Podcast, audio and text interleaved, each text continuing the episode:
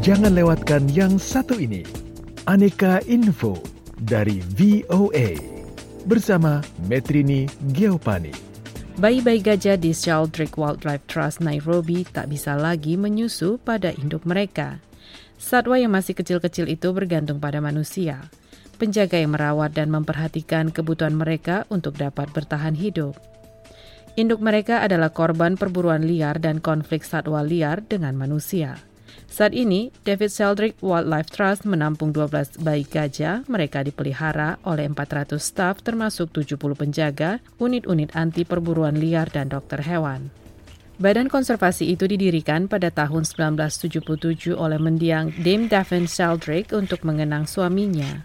Konservasi gajah tersebut berhasil membesarkan lebih dari 250 bayi gajah yatim dan telah mengembalikan lebih dari 150 gajah ke alam bebas. Kedatangan wisatawan telah membiayai sebagian misi lembaga tersebut. Namun lockdown terkait virus corona, penutupan wilayah perbatasan, dan pembatasan dalam melakukan perjalanan berdampak pada hilangnya aliran dana pemasukan yang penting bagi konservasi gajah itu. Edwin Lucici, manajer proyek yang telah bekerja selama 20 tahun di konservasi itu berharap COVID-19 segera berakhir agar kehidupan dapat kembali normal. We are lucky we have our jobs But we're just worried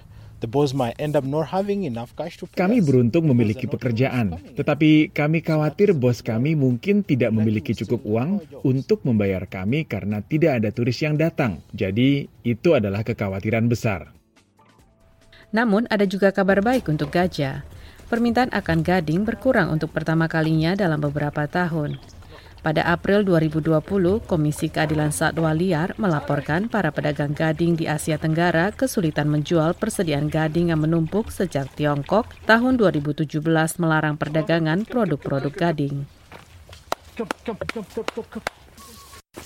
Pandemi tersebut menyebabkan banyak pelanggan Tiongkok tidak dapat melakukan perjalanan ke pasar-pasar gading di sejumlah tempat seperti Kamboja dan Laos.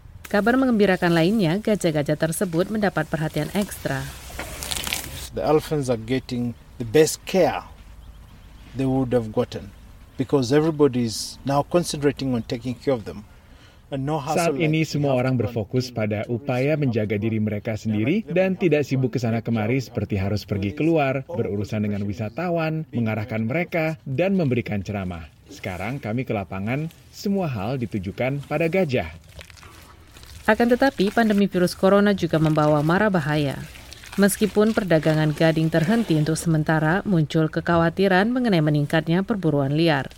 Ini dikemukakan Christy Smith, administrator proyek di David Seldrick Wildlife Trust.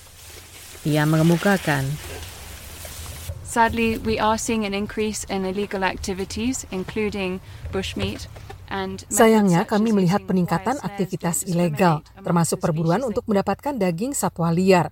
Sejumlah metode seperti penggunaan jerat kawat tidak membedakan spesies binatang buruan yang menjadi target, sehingga hewan yang terancam punah seperti bayi gajah dan juga jerapah dapat terperangkap di dalamnya.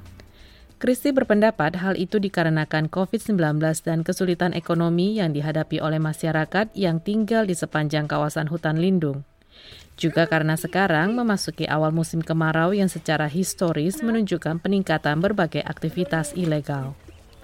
Sementara Kenya terus menghadapi bertambahnya perburuan ilegal untuk makanan, kekhawatiran bahwa perburuan liar terorganisir di Afrika akan meningkat sebagian besar belum terwujud. Sementara itu, patroli penjaga hutan terus berlanjut di banyak taman nasional dan hutan lindung setelah pekerjaan mereka dianggap esensial oleh pemerintah wilayah setempat. Metrini Giopani, Voice of America, Washington DC.